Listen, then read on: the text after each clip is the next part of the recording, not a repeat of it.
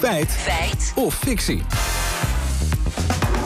De verovering van Bachmoed, Laura. Ja, de leider van de Wagner-groep, Yevgeny Prigozhin, liet via Telegram weten dat Bachmoed, ik citeer, vanuit juridisch oogpunt is ingenomen omdat de Russische vlag is gehezen op het gemeentehuis van de stad.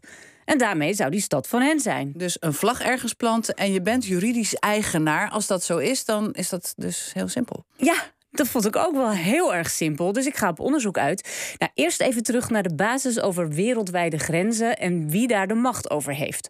Wordt uitgelegd door jurist Wim Voermans van de Universiteit Leiden. De wereld is verdeeld in soevereine staten. De VN-regels zeggen dat soevereine staten elkaar niet aan mogen vallen en ook niet elkaars grondgebied uh, mogen veroveren. Nou kan het wel eens gebeuren dat door conflicten er toch grensverschuivingen plaatsvinden. Nou, dan wordt dat op het wereldtoneel afgekaart. Meestal wordt dat dus onderhandeld via de VN en dan tussen die staten per verdrag afgesproken, per internationaal verdrag, hoe de grenzen dan voortaan zullen liggen. Maar hier is nog geen onderhandeling op het wereldtoneel aan te pas gekomen. Nee, en daarom is defensiedeskundige Peter Weininga van het Haagse Centrum voor Strategische Studies ook heel duidelijk over de uitspraak dat Bagmoed nu van de Russen is. De Engelsen hebben daar een mooi woord voor: gobbledygook. Het is, het is larikoek. Ik denk dat Prigozhin weer even een momentje in de schijnwerpers van de aandacht uh, nodig heeft en dan dit verklaart. We hadden net zo goed de vlag op een benzinestation kunnen hijsen. Het heeft geen enkele juridische waarde. Nul, niks. Nou, als dat niet duidelijk is, Susanne. Ja. ja.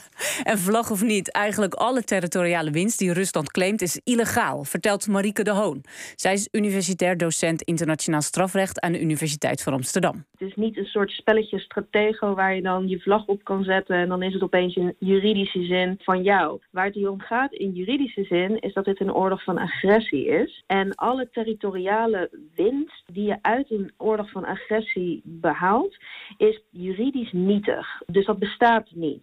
Ja, dus mijn uh, ontwerpen voor de Laura Kors-vlag... Ja, die gaan dus gewoon weer de kast in. Oké, ja. maar waarom zegt die Prigozhin van de Wagner-groep dat dan? Nou, de Hoon heeft daar wel een verklaring voor. Sowieso klinkt het natuurlijk altijd heel gezaghebbend als je zegt dat iets in juridische zin klopt. Dan denken mensen aan, ah, ja, oké, ik snapte dit misschien niet, maar als je zegt dat het juridisch is, dan zal het wel zo zijn. Maar goed, laten we wel feiten van fictie uh, onderscheiden en dat is gewoon hier echt niet het geval.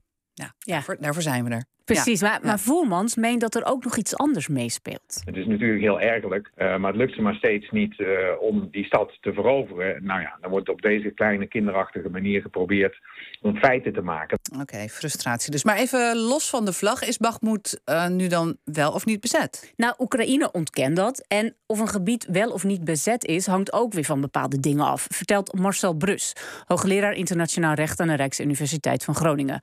Hij grijpt daarvoor terug naar let op, het landoorlogreglement uit 1907. Daarin staat heel duidelijk dat een grondgebied als bezet wordt beschouwd wanneer het zich feitelijk bevindt onder het gezag van eh, een vijandelijk leger. En, en, en een bezetting geldt alleen in die delen van het grondgebied waar een gezag gevestigd is en waar de staat zich doet gelden, zoals het officieel heet. Ja, puur die vlag daar neerzetten zegt dus helemaal niks. Nou, ik heb een idee na vier experts, maar toch, uh, Laura. Feit of fictie? Het is hartstikke fictie, zoals we nog nooit een fictie hebben gehad in deze rubriek, Suzanne.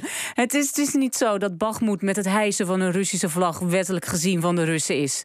Totdat er in een internationaal verdrag wordt erkend dat Bagmoed bij Rusland hoort, is Bagmoed ook juridisch nog altijd van Oekraïne. Oké.